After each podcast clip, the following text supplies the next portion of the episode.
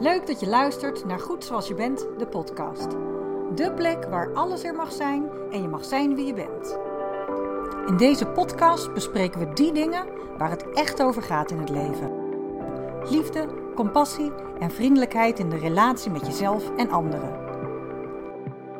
Mijn naam is Frederike Meewe. Ik ben psycholoog, coach en auteur van het boek Goed Zoals Je Bent, de psychologie van zelfvertrouwen. Met deze podcast inspireer ik je graag om meer uit jezelf en je leven te halen. Ik neem je mee in mijn persoonlijke ervaringen, ontdekkingen en verwonderingen over het leven. Zowel mijn eigen leven als dat van de vele vrouwen die ik dagelijks in mijn praktijk zie. Ik wens je veel luisterplezier.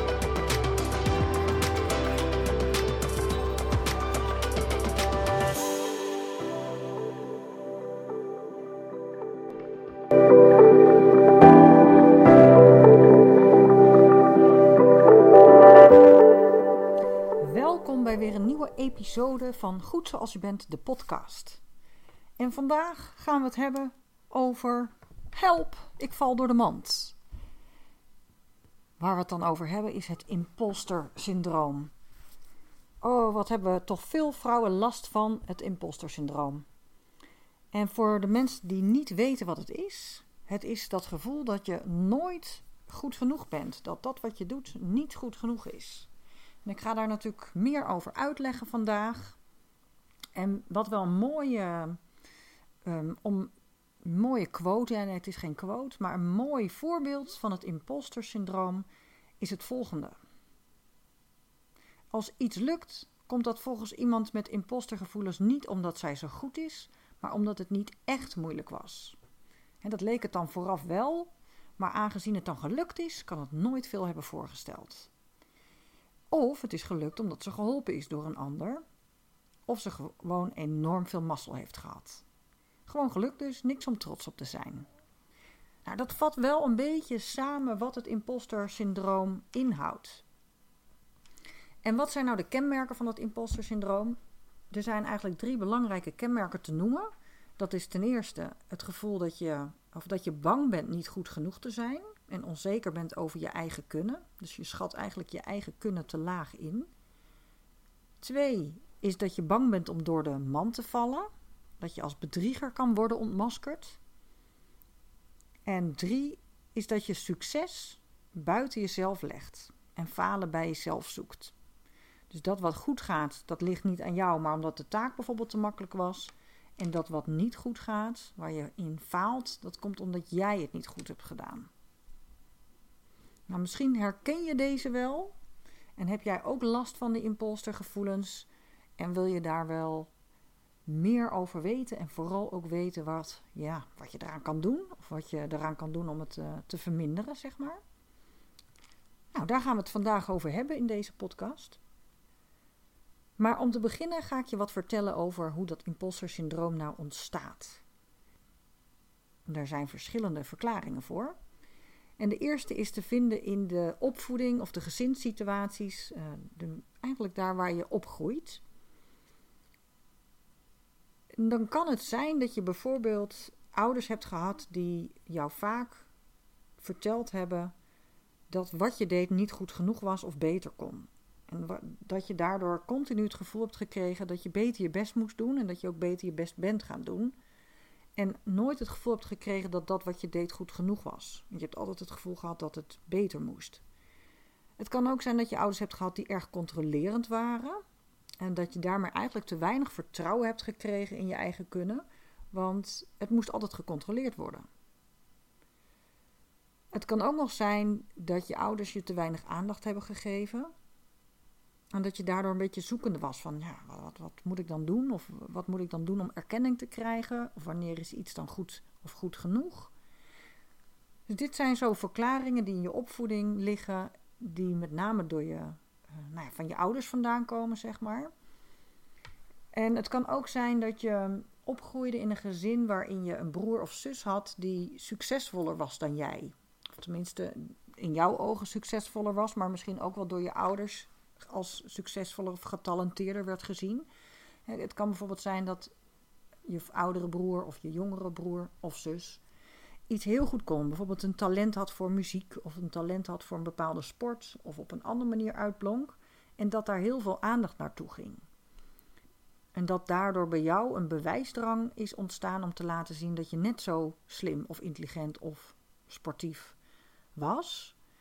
En hoewel je misschien ook wel goede prestaties leverde, zeker misschien ook wat bovengemiddeld, kon je nooit tippen aan die betere broer of zus die meer erkenning kreeg.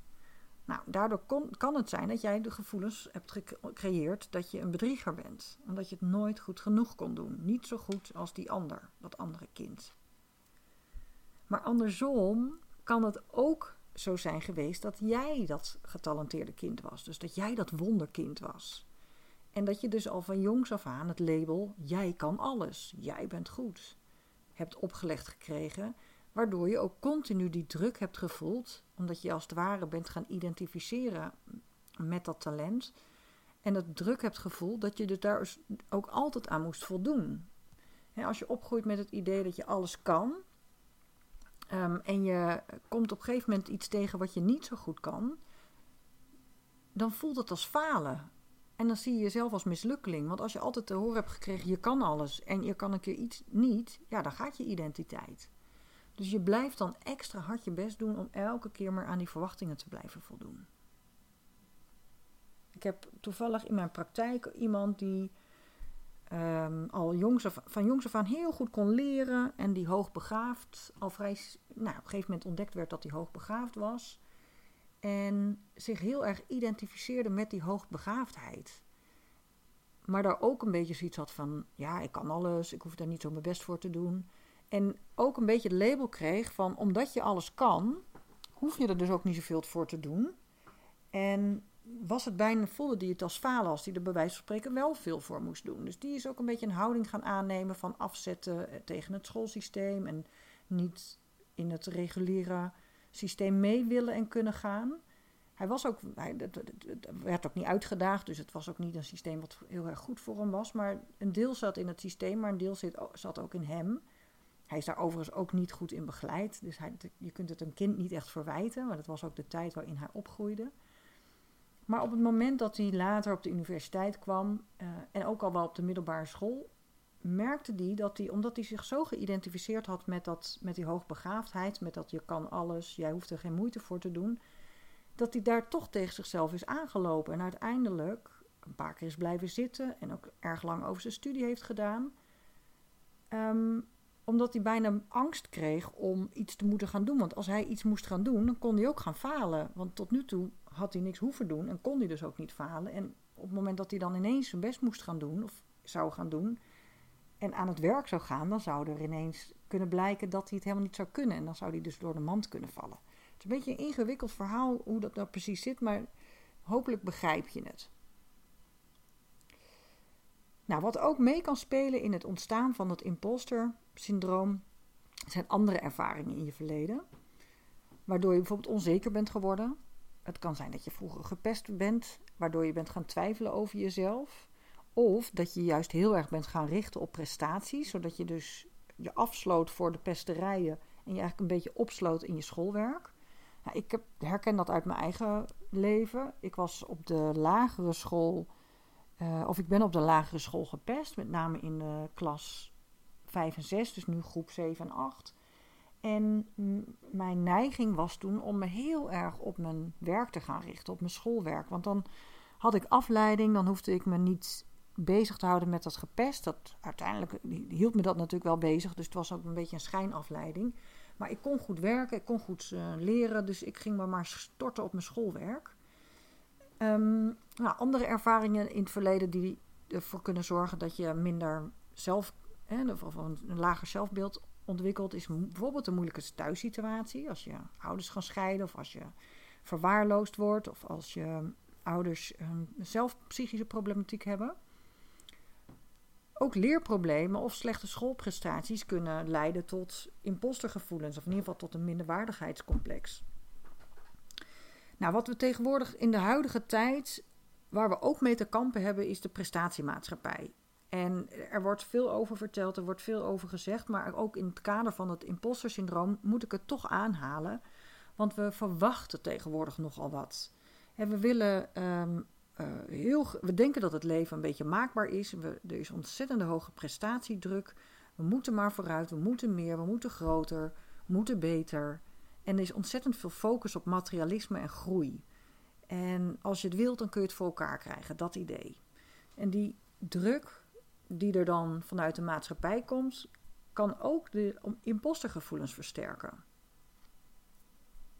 Er zijn seksenverschillen als het gaat om het impostersyndroom. En met name uh, vrouwen hebben er meer last van dan mannen. En er zijn ook wel een paar verklaringen voor te vinden. Enerzijds uh, uh, is het nog steeds zo dat vrouwen door jarenlange onderdrukking minder te zeggen hadden. Maar ook in het arbeidsleven natuurlijk relatief kort nog aanwezig zijn. Eh, vanaf 1956 ongeveer zijn, is het zo dat vrouwen niet meer automatisch worden ontslagen op het moment dat ze gaan trouwen. Dus dat is nog maar heel kort. Dus die vrouwen die zijn nog maar relatief kort. Um, ja, nee, ze zijn al wel langer in het arbeidsproces, maar dat ze echt serieus meedoen, ook nadat de kinderen zijn geboren, is nog maar eigenlijk relatief kort. Nog geen 100 jaar.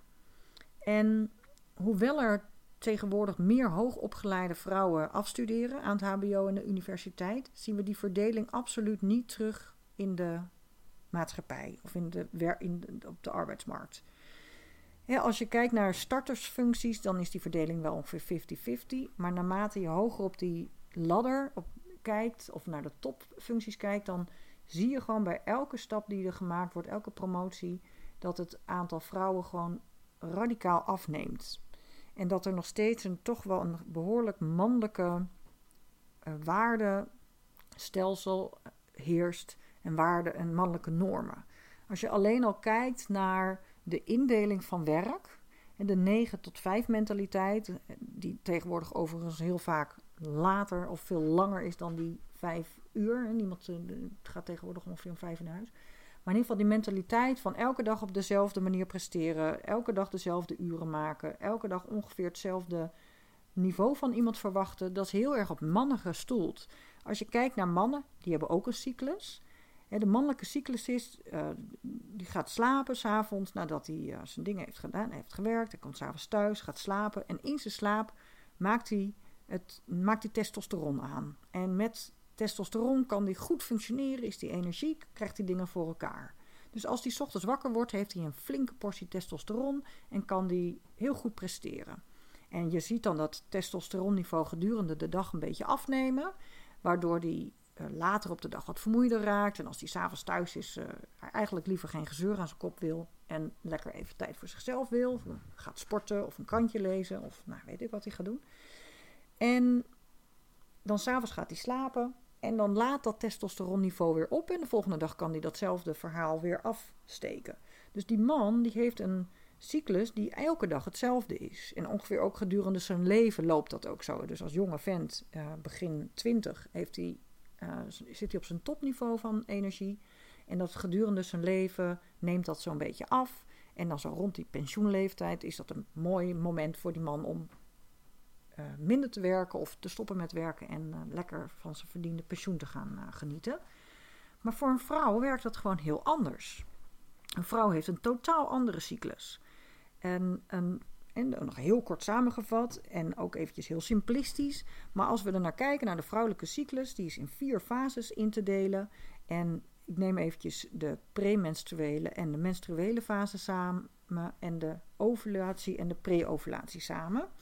Als je kijkt naar de menstruele en de premenstruele fase, dat zijn de fasen, ik noem het maar even van het donker, van het naar binnen keren, van uh, behoefte hebben aan rust, wat minder energie, niet waardeloos. Alleen als je weet dat wat je op dat moment nodig hebt, dan kun je ook zien wat op dat moment beter werkt. Dus wat, je, wat voor taken bijvoorbeeld op zo'n moment ook beter bij je passen. Bijvoorbeeld in de menstruatiefase is het goed om met om inner work te doen, veel rust te nemen, inspiratie op te doen. En misschien eens naar een event te gaan om inspiratie op te doen of naar een congres en met vrouwen samen zijn. En die premenstruele fase die leent zich meer om uh, stilte op te zoeken, op te ruimen, orde op zaken te stellen. En in die pre-ovulatie en ovulatiefase is er meer ruimte om naar buiten te treden, meters te maken, te verbinden, lef te tonen, uh, praktisch bezig te zijn, onder de mensen te zijn.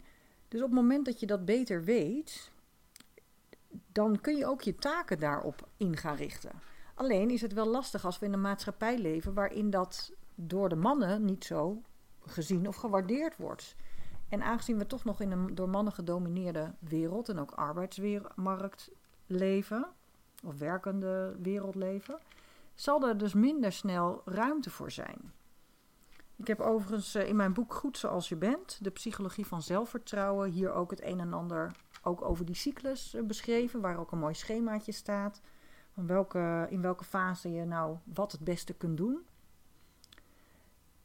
En ehm, naast die uh, inrichting hè, van die mannenwereld en die vrouwenwereld, of eigenlijk inrichting van die arbeidswereld, die vooral op mannen gericht is, is er ook nog steeds een discriminatie als het gaat om mannen- en vrouwenkwaliteiten.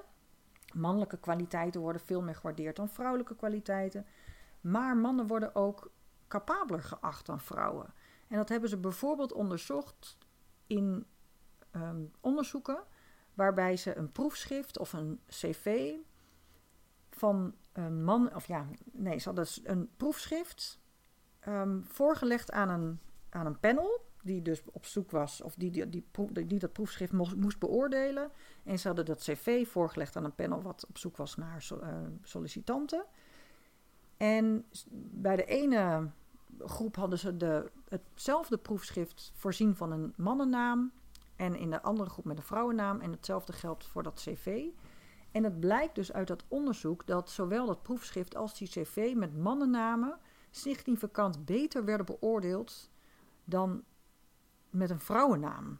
Dus iemand met hetzelfde cv werd eerder aangenomen als er een mannennaam boven stond dan als er een vrouwennaam boven stond. Nou, dat is natuurlijk al behoorlijk uh, opvallend. Wat verder opvalt is dat het niet zozeer alleen maar de mannen zijn die um, nou ja, uh, mannen voortrekken, zeg maar. Maar dat vrouwen ook vrouwen onderling kunnen afkraken. Of dat er vrouwenhaat onderling is. En dat ze elkaar soms het licht niet in de ogen gunnen. En dat is ook wel weer, vind ik dus heel interessant. Als je kijkt naar bijvoorbeeld sprookjes of hoe vrouwen leren al van jongs af aan naar andere vrouwen te kijken, dan zie je bijvoorbeeld in sprookjes dat de mannen zijn vaak koningen of prinsen op het witte paard. En vrouwen zijn heel vaak stiefmoeders of boze stiefzusjes of heksen. Dus die, als, je krijgt eigenlijk onbewust al ingeprent als klein meisje: andere vrouwen zijn niet te vertrouwen. En mannen zijn de prins of de, de koning. Daar moet je naar luisteren.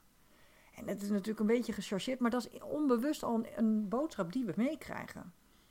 En daarnaast is er door de jaren heen, door de vrouwenonderdrukking, ook vrouwen onderling zijn elkaar gaan uh, afvallen. En de heksenvervolging bijvoorbeeld in de 18e en 17e eeuw. Is een heel mooi boek van Suzanne Smit, zowel de wijsheid van de heks als de heks van Limbricht.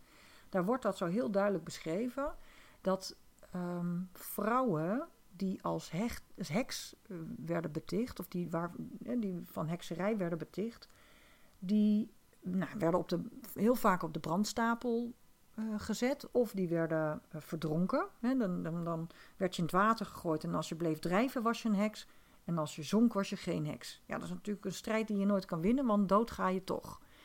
En vrouwen die um, verdacht waren van hekserij, die werden dan vaak weer ook verlinkt door andere vrouwen. Want dan had die andere vrouwen meer kans om te overleven. Want anders waren zij misschien, zouden zij misschien beticht worden van hekserij. En hadden zij angst om op die brandstapel te, eh, te belanden. Dus die brandstapelangst, die er van vroeger dus al in zit, maakte er ook, zorgde er ook voor dat vrouwen onderling niet zo heel erg betrouwbaar waren. En daar mag echt wel wat meer verandering in gaan komen. je ziet dat gelukkig al, dat er meer onderlinge verbondenheid, dat er meer uh, ook kracht uit vrouwen samen, vrouwen die samen zijn, ook meer kracht uitgehaald worden. In leiderschapsprogramma's, vrouwelijk leiderschap krijgt meer aandacht, maar ook in sisterhood of in uh, retraites of in programma's waarin vrouwen samenkomen. Dus dat is waanzinnig mooi om te zien. Ik heb zelf een groepsprogramma, dat heet Leiderschap, Lef en Levensflow. En dat is een programma voor alleen maar vrouwen.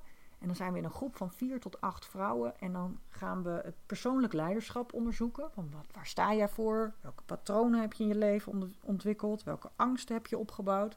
En wat zou je willen in je leven? En waarom durf je dat dan niet? Om, dat, om te echt te gaan staan voor wie je bent en wat je wilt. En dan raken we en dan komen we ook bij dat stuk vrouwelijkheid. En ook bij die, ehm, ja, dat, die angst om maar niet voor jezelf te staan. En juist in die groepen is het zo waanzinnig mooi om te zien wat er gebeurt als die kwetsbaarheid er wel mag zijn. En als we die veiligheid aan elkaar kunnen geven. En als we vanuit die kracht, want er komt echt een oerkracht naar boven. Vanuit die kracht gewoon mogen zijn wie we zijn. En de dingen mogen gaan doen die we het liefste willen. Want dan kan je ook het meeste betekenen voor de wereld. En zowel voor de wereld is in de grootste zin van, van het woord, maar ook in je eigen kleine wereld. En als, in je rol als moeder, in je rol als partner, in je rol als vriendin, als werknemer of als ondernemer.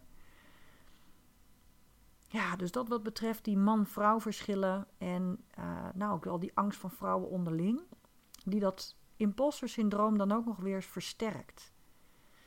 Nou, dat imposter syndroom wordt ook verergerd, zeg maar, door de huidige social media, alles wat we om ons heen maar kunnen zien.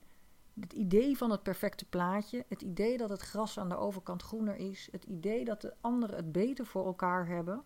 We zijn ons zo aan het vergelijken met anderen dat we al snel het idee krijgen dat we het zelf niet goed doen of niet goed genoeg doen. En het is maar een plaatje. Het is, het is vaak helemaal niet de realiteit. En ik adviseer ook regelmatig om gewoon lekker niet meer op social media rond te hangen. En als je merkt dat je energieniveau daalt, of als je voelt dat je er jaloerse gevoelens van krijgt, of als je voelt dat je er ongelukkig van wordt, ga er gewoon even lekker een tijdje af. Overigens kunnen gevoelens van jaloezie ook iets vertellen. Stel dat je bij andere dingen ziet die jij, waar je jaloers van wordt, dan kan het ook iets zeggen over je verlangen. Dus dat je ergens eigenlijk ook heel graag zo dat wilt. En dan kan het wel mooie nou, reflectie zijn. Van wat zou ik dan ook zo graag verlangen? En is dat ook realistisch? Is dat haalbaar? Is, kan ik dat bereiken? En wat zou ik daar dan voor moeten doen of laten? En wil ik dat dan ook wel? Dat is ook wel even een reality check. op het moment dat jij jaloers, jaloers wordt op iets of iemand en je gaat ervoor zitten en je bedenkt, ja, maar als ik dat en dat er dan allemaal voor moet doen of laten, ja, dan wil ik het eigenlijk niet meer. Laat dan maar zitten. Nou, dan doet dat vaak ook iets met die jaloezie. Die verdwijnt dan wel. En het brengt je ook weer bij, wat zou ik dan wel willen?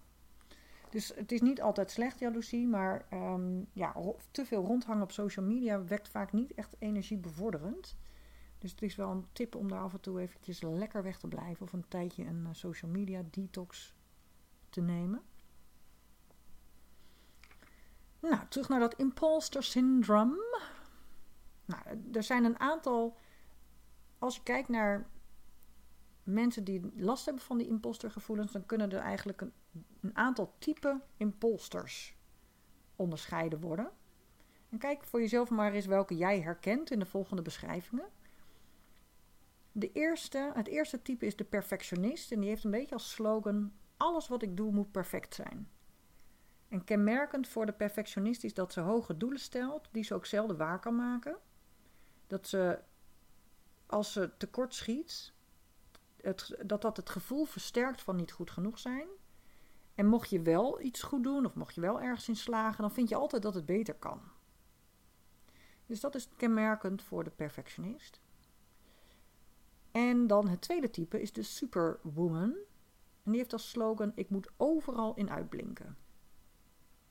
Die wil vooral veel doen en moet alles goed, maar vooral geniaal doen. Dus je moet overal goed in zijn. En die moet altijd iets doen om zich te bewijzen. Die kan eigenlijk niet rusten.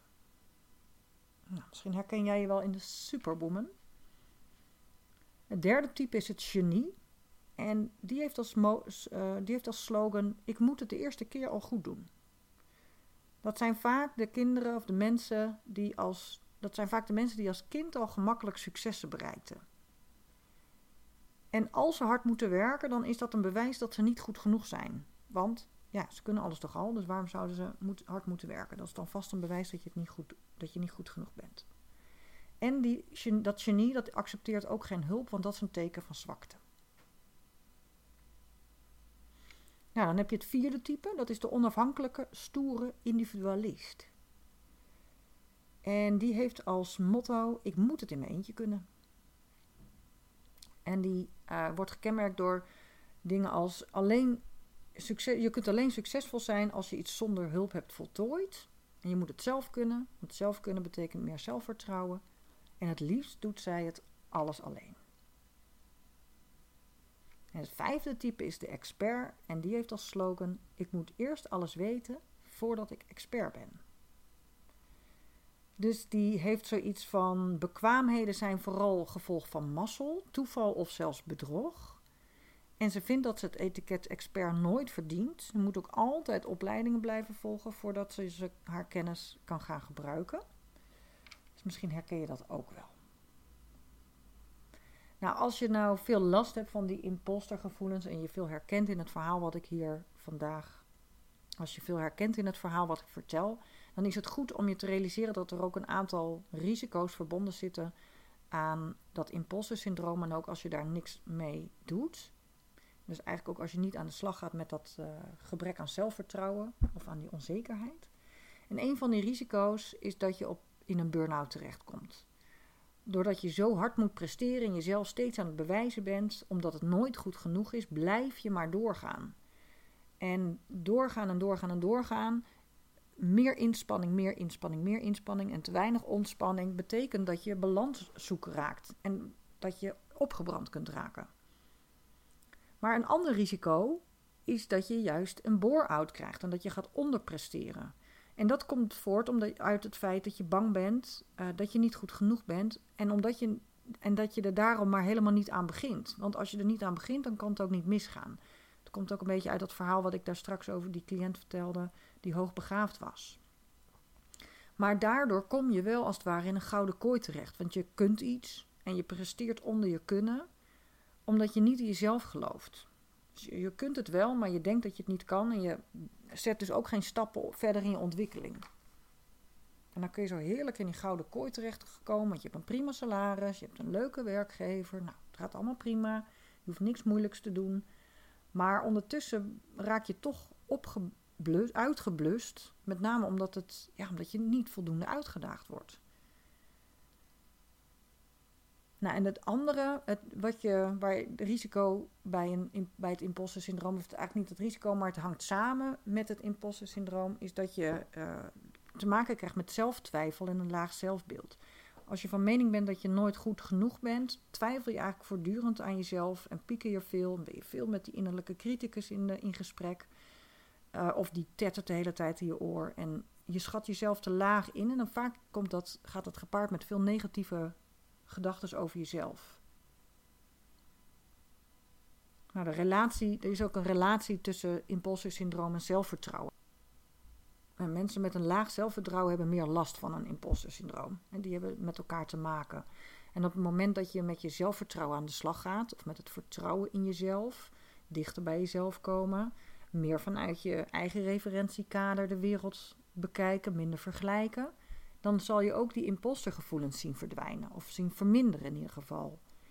En ik gaf het net al een beetje aan door de bewoording die je koos. Voor mij is zelfvertrouwen niet dat wat groeit op het moment dat je een complimentje krijgt en daalt op het moment dat je feedback krijgt die niet zo positief is.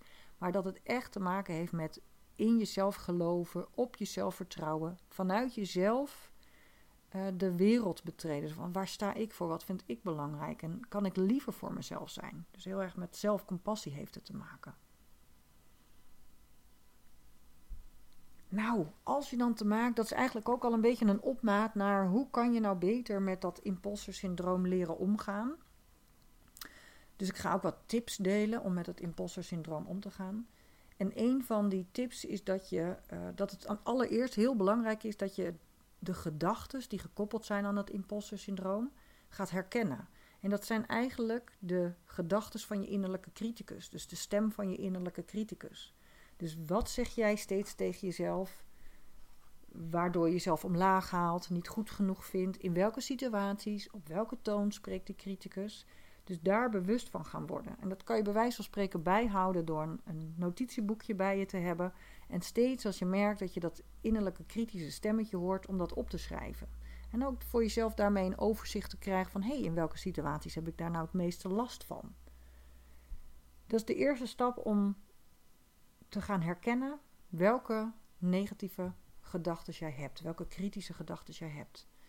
En vervolgens is het belangrijk om uit te zoeken, um, ja, dat noemde ik net al een beetje, in welke situaties je dan onzeker bent en waar je bang voor bent. En dan kan je je afvragen van, stel dat je bang bent om ontslagen te worden, of dat je, dat je bang bent dat je vriendschappen op, uh, misgaan, of dat je partner je verlaat, dan kun je je afvragen, hoe reëel is het eigenlijk dat dit echt gebeurt? En misschien nog wel een stapje verder, overleef ik het als dat echt gebeurt? Is dat werkelijk het einde van de wereld? Vaak helpen die gedachten al om wat meer rust te vinden. Um, ook door het, die eerste tip die ik noemde, het herkennen van die impostergedachten en die op te schrijven, dat helpt je ook om er al wat meer afstand van te nemen en te zien van, hé, hey, wacht eens even. Dit zijn niet mijn gedachten, maar dat zijn gedachten van een innerlijke criticus. Want als ik je zou vragen, ben je met een imposter syndroom geboren of ben je kritisch geboren, dan denk ik niet dat je ja zult zeggen. Dus je bent niet kritisch geboren, dat is ontstaan in je leven en je bent dat als het ware gaan internaliseren. En je kunt dat ook weer externaliseren. Dus je kunt daar ook weer afstand van leren nemen. Nou, dat heel erg als het gaat over herkennen van de interne criticus, herkennen van de situaties waar je onzeker bent, je afvragen hoe erg het is als die situaties waarheid worden. En ook nadenken hoe reëel het is of ze wel waarheid worden, of hè, hoe reëel het is dat ze waarheid worden. Een andere manier om beter met dat imposter syndroom om te gaan, is te, toch ook te gaan uitzoeken wat jouw talenten zijn en wat jouw kwaliteiten zijn. Maar waar ben je dan goed in? Daar, dat kun je ook bijvoorbeeld door dat uit je, mensen uit je omgeving te vragen. Ik geef heel vaak, in, vooral in loopbaanvraagstukken, mensen de oefening om een kwaliteitenoefening uit te zetten in hun omgeving. En mensen dus in hun omgeving te vragen van wat zijn mijn zes belangrijkste kwaliteiten. Dan krijgen ze vaak een lijstje mee waar ze dan uit kunnen kiezen. En daar ook voorbeelden bij te benoemen. En dat is altijd een cadeautje om terug te krijgen. Ehm, want ja, het is heel mooi als andere mensen jou op een liefdevolle manier toespreken en ook dingen zien in jou die jij misschien zelf niet zo ziet. Dat kan je een boost geven. En wat een andere manier is om je bewust, om bewuster stil te staan bij je successen en die ook te vieren. En een succes hoeft niet altijd te zijn van, goh, ik heb een uh, promotie gemaakt of ik heb een mooi je klant binnengehaald. Maar succes kan ook zijn dat je jezelf rust hebt gegeven om juist wat eerder te stoppen met werk. Of dat je jezelf rust. Of dat je jezelf uh, dat je een grens hebt aangegeven aan een collega. Dat is ook een succes. Of dat je bij een sportvereniging bent gegaan en daar hele leuke mensen hebt ontmoet. Dus ga eens kijken of je je successen kunt benoemen en kunt vieren. En op welke manier kun je dat dan vieren? Bijvoorbeeld door een lekkere cappuccino of een dagje sauna of eh, een mooi gesprek. Nou, je kunt van alles verzinnen. Wat verder heel belangrijk is als het gaat om het imposter syndroom, en dat geldt natuurlijk niet alleen maar als je het te maken hebt met het imposter syndroom of met onzekerheid. Het geldt eigenlijk altijd, maar misschien wel extra goed als je juist zo streng bent voor jezelf. Is dat je goed voor jezelf zorgt en liever voor jezelf bent. En dat je goed op je grenzen let, dat je goed op je behoeften let of luistert naar waar jij behoefte aan hebt, of waar je naar verlangt, wat je wilt. En juist op het moment dat je zo zorgen maakt over of het allemaal wel goed genoeg is, heb je de neiging om je meer te focussen op de ander of aan verwachtingen probeert te voldoen. En juist dan is het zo belangrijk om die focus naar binnen te brengen. En soms is dat wel lastig om dat in je eentje te leren. Dan kan het wel helpen om daar, nou ja, ofwel in een leiderschapsprogramma of in uh, coaching, in ieder geval daar met iemand uh, die daarin gespecialiseerd is, tools aangereikt te krijgen. En dat proces aan te gaan van jezelf beter leren kennen en vriendelijker voor jezelf worden. En mijn ervaring is wel juist ook dat de erover praten heel erg helend en helpend is om met die onzekerheid om te gaan. Want vaak speelt zich zoveel in dat hoofd af. En voel je een soort schaamte om er mee naar buiten te komen. Terwijl het ontzettend helend is als je dat dus wel doet. En dat kan of wel één op één, maar mijn ervaring is wat ik daar straks ook vertelde. Dat vooral ook die onderlinge verbinding met andere vrouwen. Uh, eigenlijk de kracht van kwetsbaarheid. Dus op die grens verschijnen met je kwetsbaarheid. Dit is wat mij bezighoudt. Dit is waar ik last van heb. Dit is, vind ik zo moeilijk om te delen. Ik vind het zo spannend. Oh, alleen dat al naar buiten brengen werkt ontzettend helend. En, en is eigenlijk de eerste stap om het te, te laten verzachten en om er ja, verandering in aan te brengen. En daarmee dus ook je vertrouwen te vergroten. Zowel het vertrouwen in jezelf, maar ook het vertrouwen in de wereld, vertrouwen in anderen. Um, en dat is een proces wat natuurlijk niet van de een op de andere dag gaat. Het is een proces wat duurzame verandering vraagt. En duurzame verandering vraagt tijd je moet je maar voorstellen dat patronen die je onbewust al in je jeugd hebt opgebouwd en die als het ware vakkundig uh, uh, jarenlang hebt opgebouwd, maar ook hebt uitgevoerd, onbewust, die verander je niet 1, 2, 3 in een paar weken of in een, in een, in een dagje of, of zelfs niet in een half jaar. Maar je kunt wel door bijvoorbeeld een traject van een paar maanden of van een half jaar of een jaar heel veel inzicht krijgen in jezelf heel veel oefenen met het anders willen doen. Ook het besluit nemen om het anders te doen. Um, eigenlijk een mindshift ook te maken. Om te gaan zien van hé, hey, die verhalen die ik mezelf jaar in jaar uit verteld heb. En die ervoor gezorgd hebben dat ik me op een bepaalde manier voelde. Maar ook ervoor gezorgd heb, hebben dat ik me op een bepaalde manier gedroeg. Hè, dat ik bepaalde keuzes niet durfde te maken. Of juist bepaalde dingen wel deed die ik eigenlijk misschien niet zou willen doen. Um, dat, die inzichten kun je in, nou ja, binnen een paar maanden tijd kun je die natuurlijk krijgen. En je kunt ook die mindshift maken om te gaan beslissen om het anders te gaan doen. En dat geeft zo ontzettend veel mogelijkheden en zo ontzettend veel vrijheid en ook ontzettend veel kracht. Uh, ja, dat gun ik iedereen. En dat, dat, ja, dat is gewoon het mooiste eigenlijk wat je in het leven kunt ervaren. En ook het mooiste cadeau wat je jezelf kunt geven. En ja, dat betekent dat je af en toe wel eventjes door een dalletje moet. Of dat je dingen gaat aankijken. Of dat je in de spiegel gaat kijken of reflecteren. Wat niet altijd even, niet altijd even comfortabel voelt. Of altijd even makkelijk is. Maar het leven is ook niet gemaakt dat het altijd leuk en makkelijk is. Het leven is gewoon. En in het leven maken we dingen mee die minder leuk zijn, die minder fijn zijn. En dingen die heel leuk en mooi en fijn zijn. Maar wat we geneigd zijn, is om te denken dat we de minder leuke dingen niet willen ervaren. En die stoppen we weg. Alleen het gevolg is dat we um, er vaak juist een minder leuk leven door hebben.